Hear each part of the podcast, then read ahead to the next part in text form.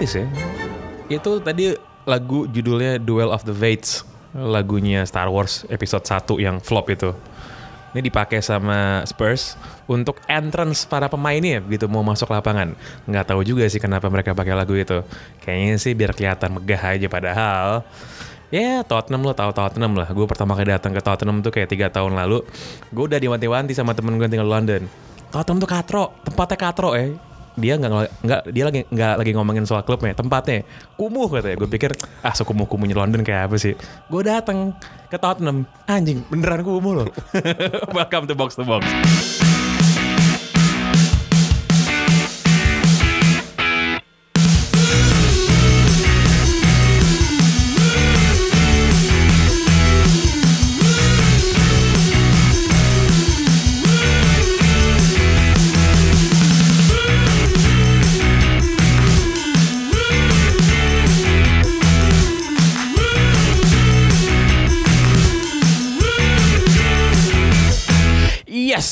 Welcome to Box to Box sama gue Pangeran Syahan Kembali lagi podcast bola nomor satu di Indonesia Podcast bola yang eh, apa ya?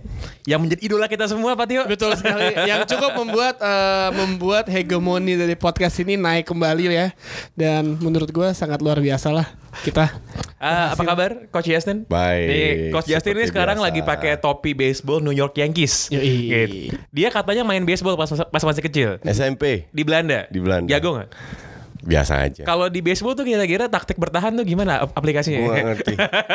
Ya Ka- kabur kabur kaburan Ka- aja. Karena itu waktu itu kalau kita apa namanya mulai summer, mulai panas eh, 15-16 derajat ke atas, kita harus olahraga di luar. Oke. Nah kalau winter olahraga di dalam. Jadi salah satu olahraga wajib ya baseball. Dan gue lumayan lah. Cuman kalau ditanya aturannya, gue taunya 9 inning gantian. Standar-standar gue mesti tahu lah.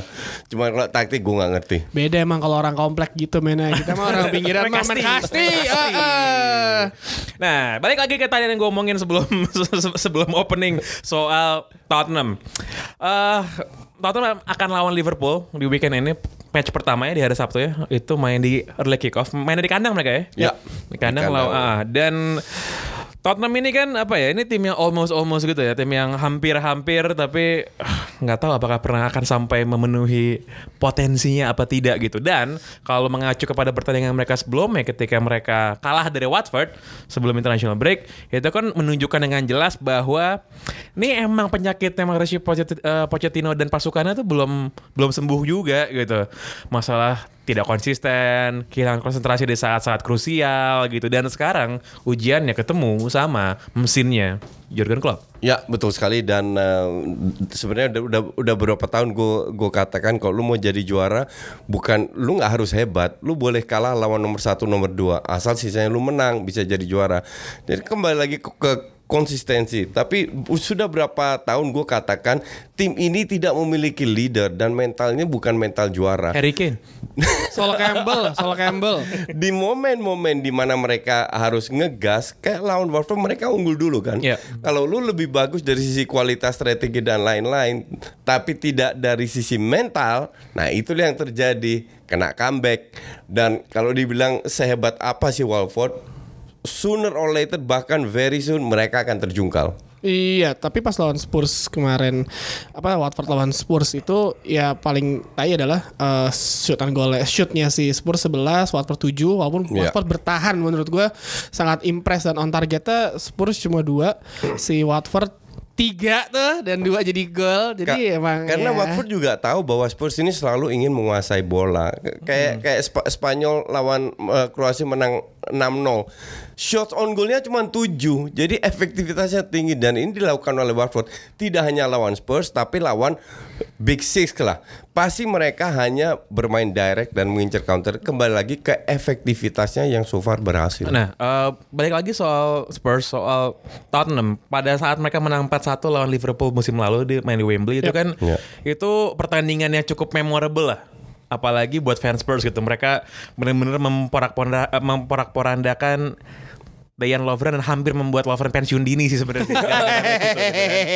karena karena Klopp aja ngomong kayak mendingan gue yang main jadi center back gitu pada saat pertandingan itu. Tapi Ya. Lovren recovered dan sekarang Liverpool jauh lebih solid dibandingkan dengan musim lalu ketika mereka tuh belum ada ini ya, belum ada Van Dijk waktu itu ya. Belum, belum. Belum ada Van Dijk ya waktu Awal-awal kan, iya benar waktu defense masih super super katro gitu. Nah sekarang menurut gua Mauricio Pochettino nggak bisa mengharapkan akan terjadi hal yang sama lagi ketika menghadapi Liverpool di hari Sabtu nanti yo. Eh, bener Eh, kalau kilas balik juga eh, pas lawan Watford Lukas Moura pun beneran di apa namanya beneran diisolasi untuk nggak bisa melakukan banyak hal. Di mana Lukas Moura sendiri pas lawan eh, United yang mereka menang gede itu Lukas Moura adalah man of the match. Dilepas Lukas Moura kayak anjing anjing kesetanan. Weh, nah pas lawan Watford Watford yang mereka tahu eh, di atas kertas kualitas mereka jauh di bawah Spurs. Tapi mereka bisa membuat lini depan Spurs, eh, Spurs frustasi sampai eh, fullback mereka berdua eh, fullbacknya Spurs itu sampai eh, backnya itu memba- membantu serangan tetapi semuanya nggak berhasil karena memang sebenarnya ya lawan eh, tim kecil lawan tim-tim seperti Spurs mau nggak mau harus bermain negatif karena mereka tahu kualitas mereka seperti apa. Tapi hasil 2-1 Watford lawan Spurs cukup mengejutkan Spurs di mana mereka benar menguasai pertandingan 400 lebih umpan kom- eh, passing komplitnya Spurs. Eh, beneran nggak bisa apa namanya menjebol pertahanan Spurs ya. Yes, ya jebol pertahanan Watford ya Watford. Dan di belakangnya bekas main muda kayak kakert yang gagal ya kan Jadi lawan Liverpool, Liverpool yang si- siap kali kita podcast selalu bahas tiga gelandang mereka Wijnaldum, James Milner sama si Naby Keita adalah salah, uh, sa- saat ini so far adalah gelandang terbaik di Premier League, tiga gelandang terbaik di Prem- Premier League. Tapi ya bagaimana cara mereka bisa mematikan peran Erikson dan Lucas Moura itu paling penting itu kunci ya. Dua pemain itu mati, Harry Kane nggak bakal bisa dapat uh, umpan manis di depan untuk mencetak menciptakan gol ke gawang uh, Liverpool. Dan Harry Liverpool sekarang kan apa namanya eh, berbeda dengan musim lalu dalam arti Van Dijk ini kan lebih lebih bisa membuktikan dirinya sebagai leader di belakang. Ditambah memiliki kiper yang bagus. Tahun-tahun sebelumnya kan masalah selalu dengan kiper, tapi tahun ini tidak dan terbukti bahwa bahwa si Alisson Becker ini memiliki kontribusi so far terhadap performanya Liverpool. Eh, kira-kira dia bakal ngelawak lagi ya? Kayak kemarin pas lawan siapa itu? Ka- Ada yang ngelawak pas lawan Leicester ya? Leicester. Ya Leicester, gue gue rasa enggak ya. Kalau kalau kalau dia agak waras karena pemain bisa melakukan satu kesalahan tapi jangan melakukan kesalahan yang sama dalam apalagi dua match beruntun. Sebenarnya dia di match belum pas lawan Leicester tuh dia juga kayak Iya. juga kayak gitu juga. Dia pas lawan siapa ya? Gue lupa tuh pas dia di press bola dia di lob sama dia. Jadi punya tendensi untuk overconfidence lah. Tapi ya emang itu tipikal kiper-kiper dari Liverpool gak sih? Misalnya kayak di awal musim lo sangat Enggak, bagus. tapi ini beda lah. Ya, dia dia, dia Alisson bagus Al- lah. Alisson sih nggak bisa mengulangi kesalahan yang sama lah seperti Karius Iya. dan lain geng yang lainnya itulah. dan Mignolet. Dan siapa lagi? Scott Carson, Scott Carson. ini Chris Kirkland, Chris Scott David James juga David pernah loh. Sama orang Australia siapa nih? Australia? Eh, apa iya Jones Jones Jones Jones, Eh, Jones. sama apa namanya Brad Brad- Friedel pernah Brad Friedel. Bruce Grobilar makin jauh lagi. nah, cuman eh, Spurs oke, gue tadi belum sempat nyinggung soal Harry Kane. Ha- Harry Kane cuma nyetak dua gol dalam 8 start terakhir. Eh, walaupun ya kita tahu bahwa bulan Agustus dia bisa katro, tapi tetap aja dia ini adalah apa ya? Harry Kane ini kan striker yang cukup bikin bingung sebenarnya. Dalam artian kalau lo mau ditanya Harry Kane ini kelebihan utamanya apa sih yang paling kelihatan? Kalau buat gue sih, kalau buat gue yang buat eh, Kane yang luar biasa itu soal shooting ya satu, sama soal link up play. Kalau buat gue. Tapi selain itu, selain itu, gue nggak melihat dia dia bisa sendirian sih gitu sih. Kalau kalau gue melihat justru syutingan tidak karena dia butuh banyak peluang untuk bisa cetak satu gol. Gue melihat positioningnya itu hebat. Karena jangan lupa dia itu sering kali pada saat bermain di Pia- Piala Dunia jumlah passing yang dia lakukan itu sama dengan dua pemain belakangnya Dele Alli dan Lingard. Artinya ini pemain sebagai striker tetap bekerja keras. Tapi bagaimana dia bisa cetak lebih banyak gol karena positioningnya itu luar biasa.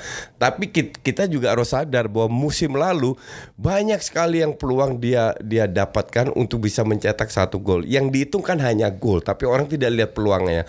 Maka dari itu gue bilang kalau dari sisi efektivitas sih biasa aja, tapi positioningnya itu dia bagus sekali. Uh, ya Harry Kane, it's Harry Kane sih dia uh, tipikal apa namanya striker yang memang dibutuhkan oleh Pochettino di lini depan mereka. Kita tahu cadangannya ada Fernando Llorente, ada Vincent Janssen yang ternyata juga masih ada di sana. Oh, masih ada ya? Masih ada di Cedera, sana. cedera, cedera. Tapi nggak di Tapi nggak dimasukin Nggak. squad. Masih ada? Nggak, dimasukin squad 25 itu. Uh, masih ada Vincent Janssen. Gue udah lupa deh kalau dia, dia masih hidup ya. Iya, dia ternyata masih ada di situ. Terus ya tiga striker ini kan emang tipikal uh, permainan ini. Soldado sih ada? Oh, udah Ah, ada. udah.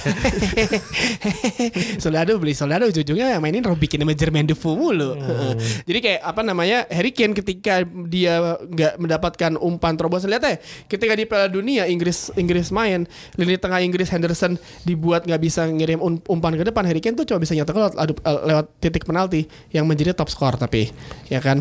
Tapi musim ini dia akhirnya berhasil melepas kutukan yang Agustus bisa nyetak gol dan which is itu bagus. Ya gue nggak bilang bang which is lagi fuck Ya udah traktir, udah perjanjian. Terus eh, apa namanya eh, musim eh, ya benar Lukas Moura Erikson dimatiin Harry Kane juga bisa berbuat apa-apa Enggak, dan, tapi dan Lukas Moura pun tidak tidak terlalu dominan. iya iya kar- karena Jadi ke- kebetulan aja kemarin lagi bagus. dan it takes two to tango jadi dan kelebihan Harry Kane adalah dia dia adalah defensive forward dia bisa ngebantu Iya, pertahanan dengan dia badan. bekerja keras sering lah. sering misalnya kalau kita nonton uh, Spurs kita sering banget melihat bagaimana Harry Kane beneran langsung track back ke belakang Iya, ngebantu betul. karena dengan postur badan yang tinggi itu salah satu keunggulan Harry Kane Harry Kane jago sih, yang penting asal jangan suruh ngomong aja sih. Iya.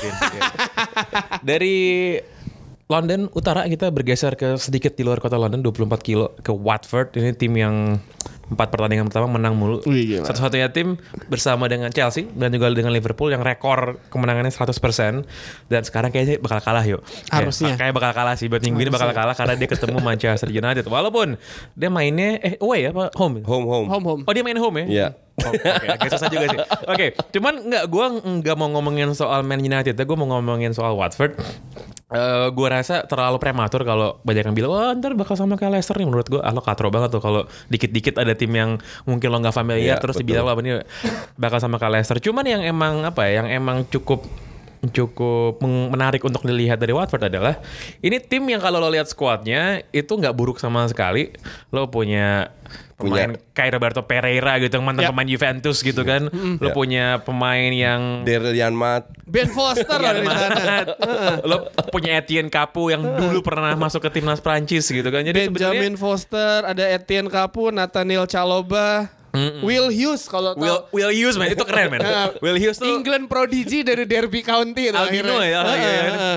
Kan kan Ah, namanya- taruh, ada satu pemain kesayangan dong ya. Siapa? Tom Cleverley. Tom Cleverley. Tom Cleverley, mantep banget. Oh sama tuh. ini ada ternyata ada, ada Gerard Deulofeu. Ada Jared Levo, Levo, Jared Levo gitu. Nah, si Troy eh, si Troy Dini tuh ngomong ke Daily Mail apa kalau nggak salah beberapa hari lalu bilang bahwa itu Hafi Gracia menetapkan denda 100 100 pounds, Pounds. Buat telat semenit katanya. Iya. Gitu. Dan katanya itu semua pemain Watford di jalan stres. Karena kan kebanyakan tinggalnya di London kan. Iya. Lu- Lumayan harus commute tuh keluar kota tuh kayak lo ke Bekasi lah kalau Ini di sini Gojek lah, Gitu. elah. Jadi pas di jalan tuh udah stres semua. Cuman Watford ini kan dimiliki oleh keluarga Pozzo ya, yang orang Italia itu ya, si Hmm. Giampaolo Pozzo apa kalau nggak salah nama bapaknya itu. Nah si Pozzo ini kan punya tiga klub nih. Dua tadinya tiga jadi dua. Dia punya Watford, dia punya Udinese, Hmm. sama dia punya Granada kalau nggak salah. Satu lagi. Nah yang si Granada udah dijual ke orang Cina, bukan Justin. udah dijual. Eh, dan sekarang dia punya dua. Nah, yang menarik adalah dia ini kan suka banget ganti-ganti ini ya Pelatih. ganti-ganti pelatih gitu. Iya, Walter Mazzari iya, setahun iya, iya. pecat. Siapa dulu lu yang orang Spanyol tuh? Eh, Si- Quique Sanchez Flores Iya, dipecat. Eh, Marco Silva dipecat kan? Gitu. Em, kan pas diganti sama si Hafi Gracia dan ternyata so far oke banget. Menurut tuh penjelasannya selain hal-hal mistis kayak oh namanya juga ada tim yang kadang-kadang bagus di tiap musim tuh apa coach? Enggak, kalau gue bilang ini sa- salah satu salah satu apa namanya keahlian seorang pelatih untuk bisa meramu eh, tim bisa bermain efektif padahal pemainnya bukan pemain bintang. Dan inilah eh, banyak orang yang tidak bisa melihat tapi memang memang sudah terbukti bahwa pelatih ini memiliki peran. Nah, salah satu kekuatan Javi Garcia mungkin dia dia sangat tahu beban yang dia dia eh, dapatkan oleh pemilik, tapi dia tidak lemparkan ke pemain dan menerapkan disiplin itu penting sekali. Kalau lu tadi bahas soal sera- 100 eh, pounds kena denda, itu pun terjadi di MCT dan Arsenal. Jadi itu udah standar dan disiplin ini sangat penting untuk klub eh, se- seperti Watford lah untuk karena mereka tidak memiliki banyak pemain bintang tidak memiliki eh, apa namanya nilai tambah dari para pemain. Jadi yang harus diandalkan adalah fighting spirit da- dan dan disiplin. Nah, sudah terbukti di sejarah bahwa dengan fighting spirit tinggi pun Anda bisa meraihkan tiga angka. Tapi gue setuju kalau dibilang ini next Leicester sama sekali tidak. Sooner or later bahkan kalau seandainya Sabtu ini mereka kalah tiga poin, bisa juga mereka beruntun kalah. Contoh Peter Bos di Dortmund 8 match beruntun eh, menang, habis itu 10 match beruntun kalah dipecat. This kind of things happens. Kenapa tidak dengan Watford? Karena ya itu tidak ada pemain bintang yang bisa mengangkat pada saat tim ini ngedrop. Tom, Tom Cleverley lah. Watford sih mungkin ya Yo ya mungkin mungkin terlepas dari hasil minggu ini mungkin minggu depan dia bakal menang lagi lawan Fulham. Minggu depan lagi tanggal 29 mungkin akan menang juga yuk karena dia away lawan Arsenal. Iya benar. Nah, itu- Ah, itu pasti Man kalah itu. United, ah, gitu dan pada waktu salah satu fans paling besar di klub lo adalah Sir Elton John. Waduh, lu harus Candle in the Wind kan? Candle in the Wind nah udah pasti kayaknya sih emang bakal terus ini ya. Bakal mainnya bakal funky kayak Elton John lah. Iya lah. Dan, maksud- dan dia masuk ke ruang ganti ya.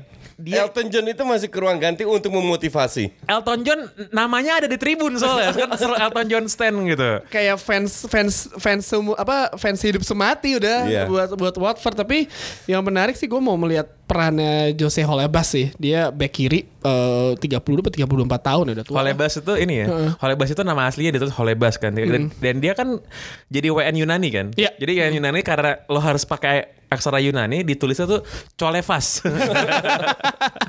ya dan peran dia di back kiri. Watford sih sejauh ini empat pertandingan sih emang eh, apa namanya nggak bisa dianggap remeh sih. Dia salah satu pemain terbaik Watford lah sejauh ini Iya. sama bar- bareng Pereira. Tapi ya benar kata Justin eh, kalau dia beneran bisa mereka tim-tim tim-tim kayak Watford ini bisa at- eh, setidaknya untuk eh, bermain tidak kalah melawan tim-tim lima besar atau enam besar seharusnya sih mereka bisa lah kayak mengejutkan kayak Burnley musim lalu masuk ke Europa League. Europa League.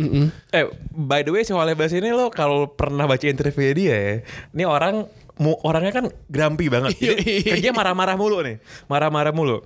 Terus dia eh, eh, dia bilang pas pada saat dia ada pada saat dia ada di Watford walaupun memang dia dibayar lebih kaya dibandingkan dengan tim-tim sebelumnya dia bilang gue tuh pernah berada di klub yang lebih gede dari ini dia Sedap. bilang. dia pernah main di Olympiakos juara Yunani berkali-kali dia pernah main di Roma gitu gitu. Dan dia tuh bilang gitu ke semua temen-temennya di Watford gitu. Yuk lo lo mungkin lebih kaya dari pemain di Yunani sama pemain di Roma. Gue cuman gue tuh main di tim juara dan lo enggak gitu. Da- dan dia tuh umur 30-an lebih ya 32 32 33 deh lupa deh gue. Iya 32 34 ternyata 34 kan. Heeh, emang udah tua dia. Udah tua dan dia tuh dari Jerman tadinya gitu dari Jerman terus main di Yunani. Nah, eh gi- Paling tinggi asisnya ada 4 di 4 pertandingan. Holebas. iya dan dan dan kalau lo lihat kalau yang ngambil yang ngambil set piece tuh dia ya.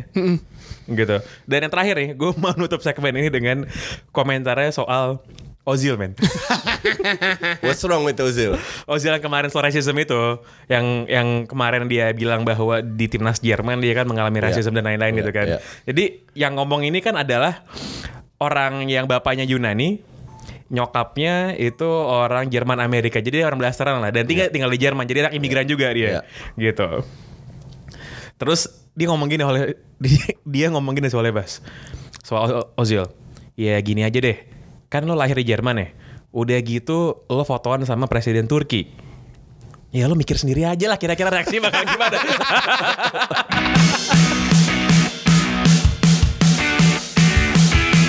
Sebuah kabar gembira bagi para pekerja televisi di bidang sepak bola karena Barcelona itu menyewa, mengontrak komentator BIN, Pak. Komentator BIN Prancis namanya Jerome Bigo disewa sama Barcelona untuk jadi scout.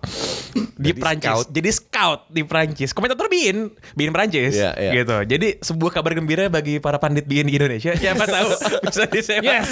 di hire untuk jadi scout juga. Jadi ceritanya adalah Barcelona eh, lagi pengen memperlebar jaringannya di Prancis karena kan Iya, dia punya iya. banyak pemain Prancis kan Iya. gitu. Udah gitu tentu saja dia nanya sama mantan pemain nih orang Prancis Eric Abidal. Oh, gue kira Iya. Richard Dutrell.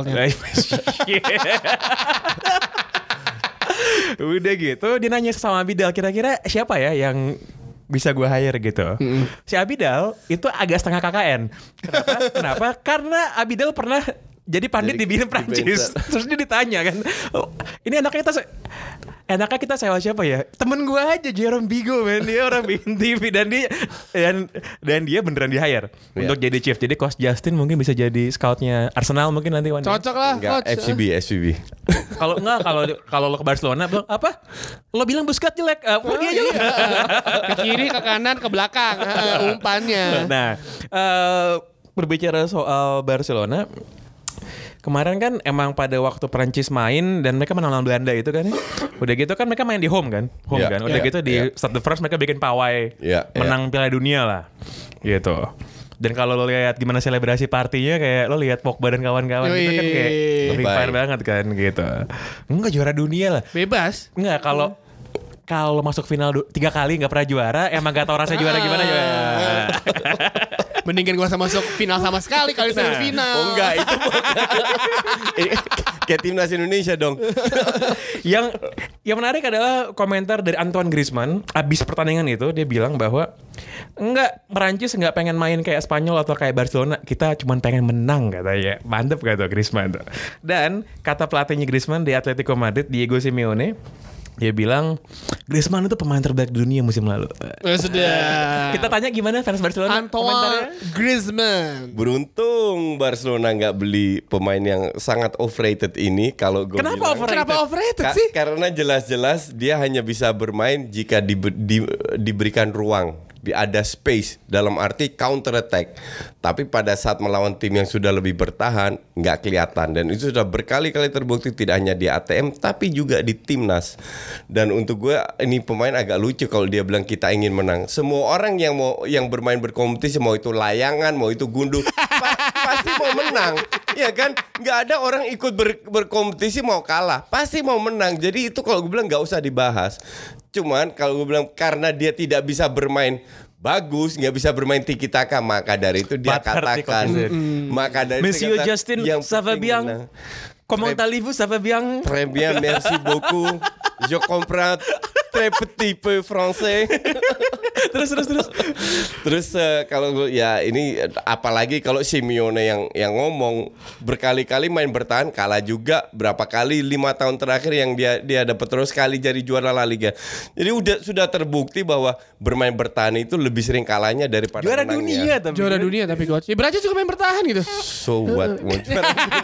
Nah, selain selain so, selain soal Griezmann yang juga menarik dari komentar Simeone beberapa hari terakhir adalah dia bilang nggak Thibaut Courtois nggak bisa masuk tim gue karena kenapa dia kalah bagus dari Jan Oblak katanya. Ya Oblak. Dan Ya. dan dan pada waktu kemarin keluar nominasi kiper-kiper terbaik di Eropa ya kemarin ya keluar kan nama-namanya itu kan nggak ada nama Oblak. Iya. Terus kata Simeone bilang ini sebenarnya gue mempertanyakan kredibilitas yang bikin nominasi. Siap bosku. Menurut lo yuk Jan Oblak better than ini better than Thibaut Courtois? Hmm, Secara overall. secara overall ya. sih gue lebih suka si apa namanya Jan Oblak sih karena timnya paling sering diserang ya kan Madrid ya Paling sering diserang.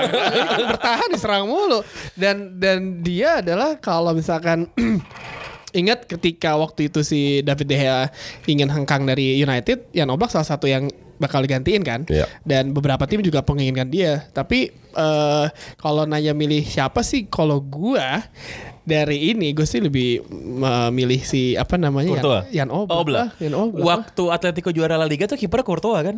Iya, Courtois. Iya, Ah. Courtois. Kipernya Courtois kan, gitu. Courtois nih emang gimana ya? Dia tuh kiper klasik sih menurut gue. Dia commanding area-nya bagus, shot stopping-nya bagus, cuman kan lo Posturnya bagus, posturnya bagus tinggi banget iya. gitu. Cuman yang nggak dia tuh kagak dikenal memiliki passing range yang jauh misalnya Iya. atau bisa mainin playing the ball at the feet juga enggak kan gitu kan. Cuman emang emang klasik goalkeeper aja cuman gue kasihan sama Keylor Navas sih. Keylor Navas nih kayak gue udah menang liga, gue juara liga udah. Udah semuanya lah ya. Udah menang Champions berkali-kali gitu. Gue udah gue udah bertahan pas lu mau ngambil De Gea ya kan. Gue tahu sih gue kalah ganteng kalau di Courtois emang gitu. Kalah menjual, kalah Kalah menjual. kalah menjual. Cuman Keylor Navas nih gue agak kasihan sama Navas ya. Gue karena- enggak karena Navas sudah terbukti kalau kalau kita bicara juara Champions League ini kan sistemnya drawing. Lu bisa kalah di match pertama 4-0, kalau next match menang 5-0, lu tet- tetap lolos. Tapi kalau di liga lu sekali-kali lu nggak dapat poin. Jadi konsistensi ini tidak kelihatan oleh Navas di La Liga. 10 tahun terakhir berapa kali Real Madrid menang atau zamannya Navas berapa kali mereka menang La Liga? Kan semua di didominasi oleh Barcelona. Jadi kalau mereka lebih memilih kiper yang yang lebih konsisten kalau gue bilang gue lebih setuju gue lebih setuju Courtois karena Courtois mungkin musim lalu tidak terlalu bagus di di bawah Conte tapi itu satu Chelsea tapi musim sebelumnya Chelsea juara itu kontribusi Courtois itu besar sekali loh pas yang juara dua musim lalu. pas itu. juara ya ya Nah, eh, selain itu, nah ini eh, saudara perempuannya Diego Simeone bilang bahwa hanya masalah waktu sebelum Diego Simeone pindah ke Inter Milan. Ay sedap internasional Gitu. Oh eh. iya, di- dia kan dia kan dulu main di Atletico jadi pelatih Atletico juara dan dia mentransformasi Atletico lah. Betul. Jadi bukan tim semenjana lagi gitu Jadi kan. tim yang bisa pusingin Real Madrid di final Liga Champion kan. Iya, soal, soalnya kalau lo ngomong sama fans Atletico yang beneran fans Atletico di Madrid gitu kan, mereka tuh bener-bener fatalis banget lah kayak iya ya udahlah kita tim fans Atletico, udahlah fans Atletico kan gitu. dua musim yang lalu dia sudah mau berhenti sudah mau pindah tiba-tiba batal karena mungkin gaj- gajinya nggak terlalu Dia besar mau pindah ke mana? Chelsea. Ke Itali. Oh, ke Itali. Iya. Ke, ke Inter juga kan? Inter juga. iya, iya. Akhirnya digosipin batal, mau ke Arsenal juga kok. Pegang lagi ATM. Jadi emang kagak laku dan wajar aja sih kok gue bilang. Kagak. Laku coach. Eh, Masa seorang dari Gareth? Southgate aja laku jadi pelatih timnas Simeone nggak laku gimana ya? Karena tadi sempat kesebut namanya Vincent Janssen, striker kebanggaan timnas Belanda yang jago banget main bola itu. Belanda jago banget ya main bola. Parah. Kalau nggak tahu. Nah, The best. eh, gue barusan melihat sebuah artikel di 442 Indonesia. Alhamdulillah. Ya kebetulan gue lumayan kenal banget ya sama bosnya Indonesianya ya. Nih ada artikel kejutan. Curve Capital, tanda seru. Sengaja. Heeh. Delapan pemain ini ternyata masih bermain di Premier League. Tadi Loh, ada, ada lohnya. ada lohnya, loh. Siapa sih ngedit? Oke. Sampah deh pasti. Oke, ulang, ulang. Kejutan. Curve Capital, tanda seru. Delapan pemain ini ternyata masih bermain di Premier League. Loh, tanda seru. Selain Vincent Janssen, ternyata Lazar Markovic Juga masih juga ada. masih ada di Liverpool. Dia kemarin mau pindah ke mana ya? Terus nggak jadi kan? Eh, Anderlecht pernah dia pernah main di Sporting juga. Iya. Jadi kayak dia tuh Gagal pindah kemarin dia gagal tuh. pindah terus dia itu nasibnya tuh emang nggak jelas ya pembelian Brendan Rodgers kan mungkin saat itu apa yang di otak Brendan Rodgers gue juga nggak ngerti sih tapi Hmm. yang nah, yang kasihan ya ini kasihan sih lo nggak bisa pindah terus lo juga nggak bisa main di tim utama karena klub tuh udah milih 20 pemainnya kan yang bisa Hmm, dimainin gitu Andy King Andy King, Leicester City. Waktu juara ada yang Legend loh dia. Nomor 10 kan Andy King. Iya, nomor legend. 10. Heeh. Waktu Euro 2016 juga bagus main Iya. Wales kan. Iya. Tapi yang 2016 itu eh Euro singet gua dia tuh gantiin Ramsey kan Hmm. di ini terus berarakan banget tuh nggak bisa nggak bisa ngimbang eh, si Ramsey. Nah, terus ada lagi dari Watford, Yunis Kabul sama pemain kebanggaannya yang jago main bola, Marvin Zigilar. Belanda tuh. Gua gua baru tahu ada pemain nama namanya Marvin Zigilar tuh pas main ini men, pas main FIFA. Bagus soal stats ya. Lo kenal nggak coach sama Marvin Zigilar? Zeigler ini Siapa termasuk gimana ngomongnya? Zeigler. Ziegler. termasuk pemain media- Ziegler aja partinya bro. Ding ading ading.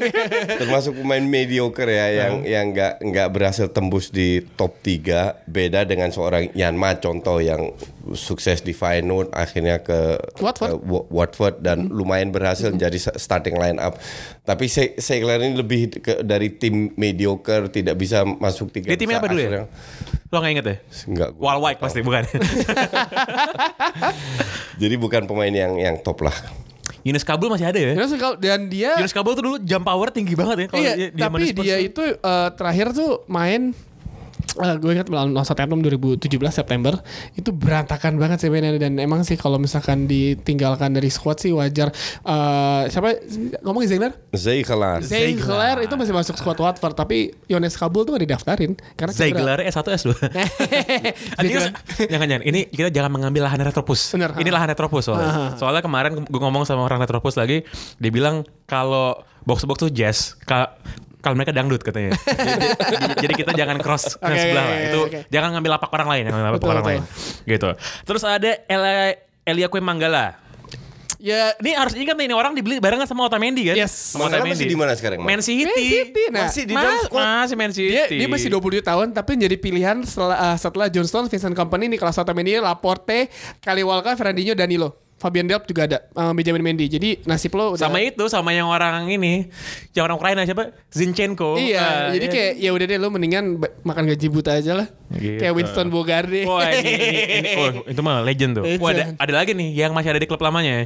Saingannya Ternyata. Justin banget nih. Ini pe- pemain berjasa membuat Man United menang 8-2 lawan Arsenal. Carl, Carl Jenkinson. Jenkinson. Carl Jenkinson. Sebenarnya masalah dia apa sih coach? Iya. Carl Jenkinson emang gak bisa main bola. Masalah Jenkinson itu sama seperti masalah Wilshere dan eh, Ramsey dan lain-lain. Rekrutan Wenger yang dianggap adalah pemain berbakat, pemain muda yang bisa memperkuat timnas Inggris bla bla bla bla bla dan kita tahu bahkan seorang Welbeck pun dibeli. Kita tahu eh, lima Juara Liga Inggris loh. lima Juara Premier League di terakhir Welbeck loh. seleranya We- Wenger seperti apa kan yang bikin Arsenal hancur-hancuran ya termasuk Jenkinson ini. Terus masih ada di Origi Liverpool. Dia tuh 2014 Piala Dunia bagus loh. Bagus. Bel bagus. eh, Belgia kan ya? Belgia, Belgia. Belgia. Jadi cadangannya Benteke sama Origi Lu- sekarang Lukaku di kan. Dortmund kan? Liverpool, Liverpool, musim lalu di musim Dortmund. lalu. Musim lalu sekarang balik lagi. Gak dilepas eh, gagal mau pindah Gagal karena pindah. harganya 27 juta pound sterling gak ada yang mau. Hmm.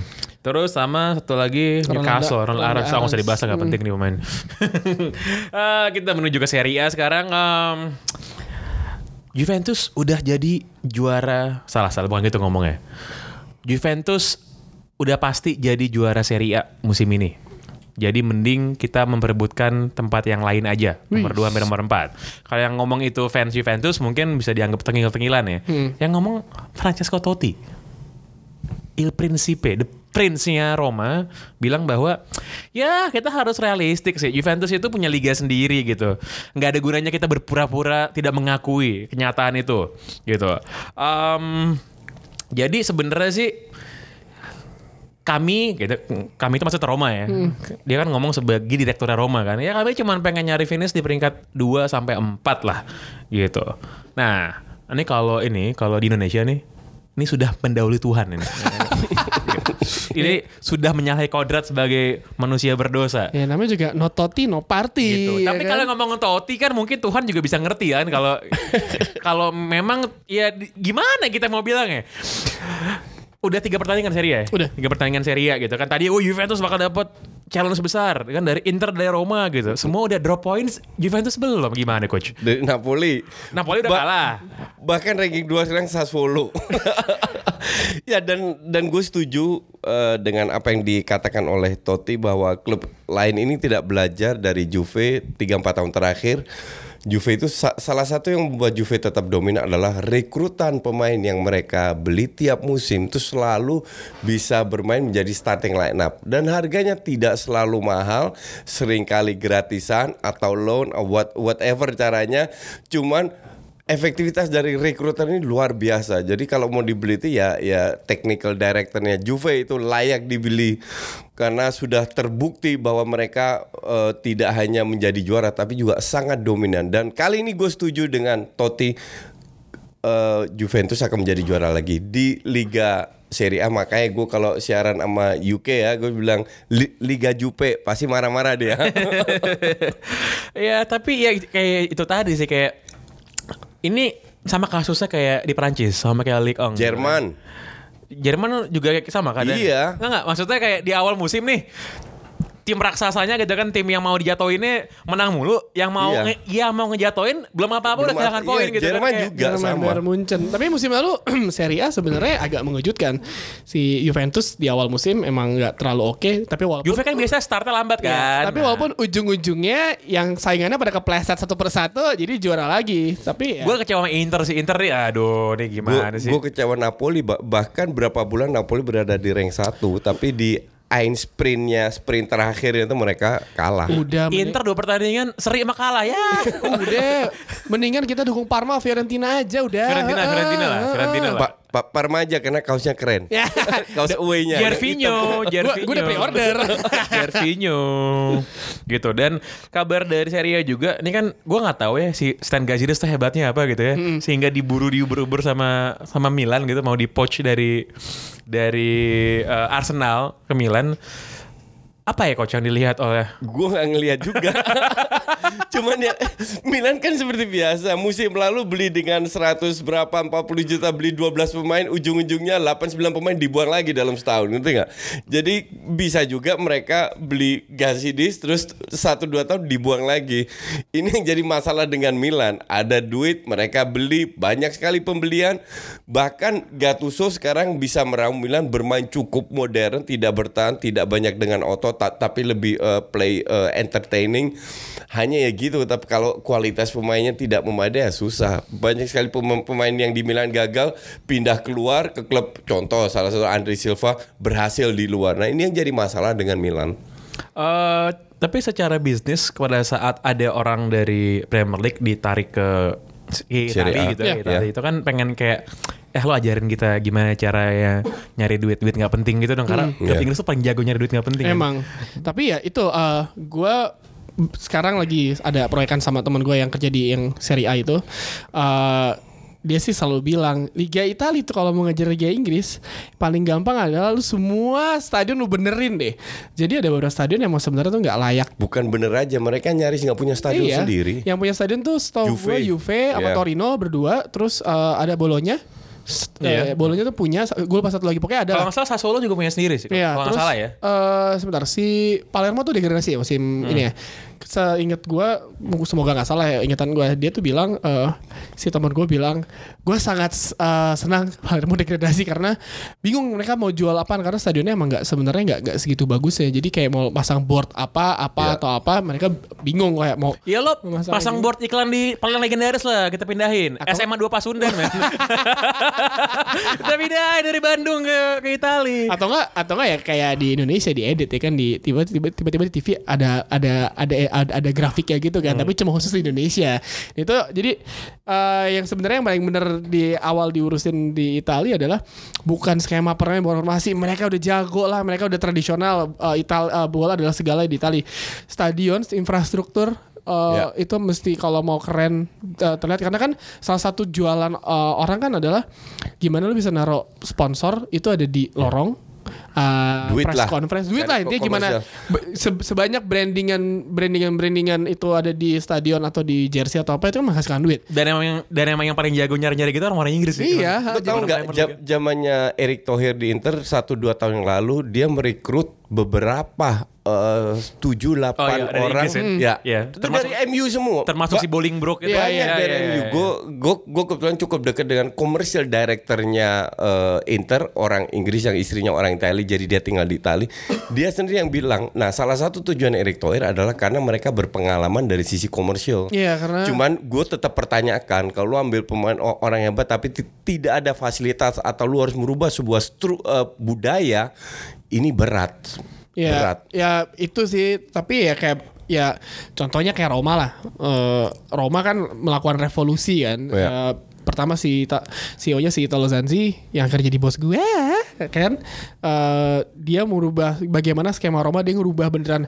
Eh, waktu gua ngobrol sama dia secara langsung dia bilang pas di Roma dia ngubah eh, sistem manajemennya Roma. Orang-orang yang kayak menurut dia udah nggak kompeten udah nggak dinamis dan nggak bisa adaptasi dengan Yang sudah 30 tahun di situ. Ya, yang yang udah kayak nggak bisa adaptasi dengan millennials masa Iya, kini, iya, ya sama dia pelan-pelan dihilangin satu persatu dan Iya. diganti dan mesti dinamis. Dan ini menurut gua eh, sangat menarik menarik sih melihat melihat harusnya Italia udah mulai seperti ini dan udah banyak diikutnya Juventus lah salah satu Juventus kayak Iya. wah itu udah udah paling wah elah ya kan ya dari segi segi permainan dan luar dalam ya harusnya sih pelan tapi pasti Italia bisa ngejar Inggris pun juga nggak cepet kan coach Iya. Inggris kan juga membutuhkan waktu lama untuk kayak jadi kayak sekarang pernah dibayang-bayang di bawah bayang-bayang Di Italia Italia juga ya. Eh, eh, lama banget terus akhirnya keluar dengan investor sat- satu persatu masuk kedatangan pemain banyak ya Chelsea lah mulai dari Chelsea sama City itu langsung dang idi Justru sekarang sikon di Inggris ini harus dimanfaatkan oleh in- investor dari luar karena harganya sudah nggak masuk akal abnormal, nggak masuk akal. Indomie dong warung. Iya. Indomie Nah,